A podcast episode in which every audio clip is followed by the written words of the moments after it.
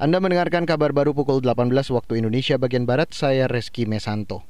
Saudara pengurus pusat Muhammadiyah meminta publik tidak teralihkan perhatiannya dari agenda pemberantasan korupsi.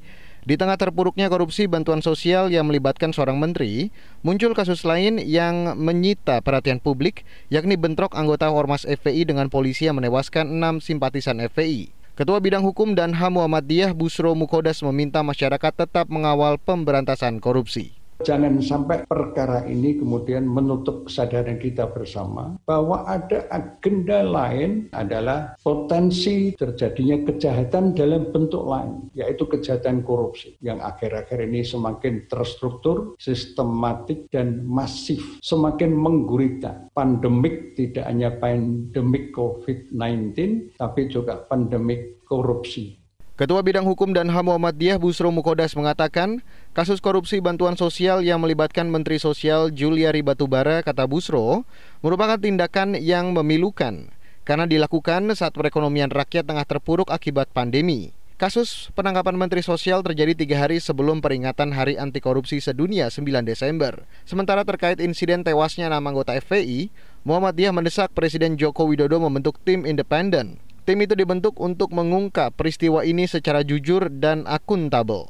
Kita ke lantai bursa, saudara. Indeks harga saham gabungan atau IHSG sore ini ditutup menguat. Sejumlah analis menyebut penguatan IHSG karena masih menikmati sentimen positif kedatangan vaksin COVID-19 ke Indonesia. Mengutip data RTI, Indeks bursa saham ditutup di level 5.944, menguat 13 poin lebih atau 0,23 persen dari pembukaan. Sebagian besar sektor saham menguat dengan penguatan tertinggi pada sektor konsumer, disusul sektor pertambangan dan manufaktur. Sedangkan sektor-sektor yang mengalami koreksi antara lain sektor aneka industri yang mengalami tekanan paling dalam, disusul sektor pertanian dan properti. Sementara sejumlah bursa saham regional Asia melemah seperti indeks Nikkei Jepang, indeks Hang Seng, dan indeks Red Times Singapura.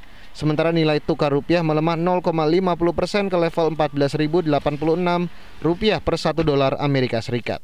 Saudara, Komisi Pemilihan Umum atau KPU menunda pelaksanaan pemilihan kepala daerah Kabupaten Bovendigul, Papua. Ketua KPU Provinsi Papua Theodorus Kosai mengatakan, Pilkada Kabupaten Bovendigul tidak jadi dilaksanakan pada 9 Desember besok karena salah satu pasangan calon yaitu Yusak Yeluwo dan Yakobus Yaremba dibatalkan status pencalonan mereka. Pasangan itu kini menggugat KPU. Surat suara belum dicetak, beberapa logistik juga belum dicetak. Nah, jadi kita tunggu sampai proses sengketa selesai dulu, baru kita uh, beranokan lagi untuk tahapan selanjutnya. Kita akan berkoordinasi.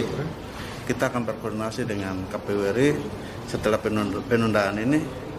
Uh, selanjutnya petunjuk KPU RI seperti apa. Ketua KPU Provinsi Papua Theodorus Kosai mengatakan, pasangan Yusak Yakobus dibatalkan berdasarkan keputusan KPU pada 6 Desember lalu. Pembatalan terkait status Yusak sebagai bekas narapidana korupsi yang belum melewati masa lima tahun selepas dari penjara. Kabupaten Bovendigul merupakan satu di antara 11 daerah di Papua yang mestinya melaksanakan pilkada serentak pada 9 Desember besok. Kepastian penyelenggaraan pilkada di Kabupaten Digul masih dibahas bersama dalam sidang Bawaslu hari ini. Demikian kabar baru KBR saya Reski Mesanto.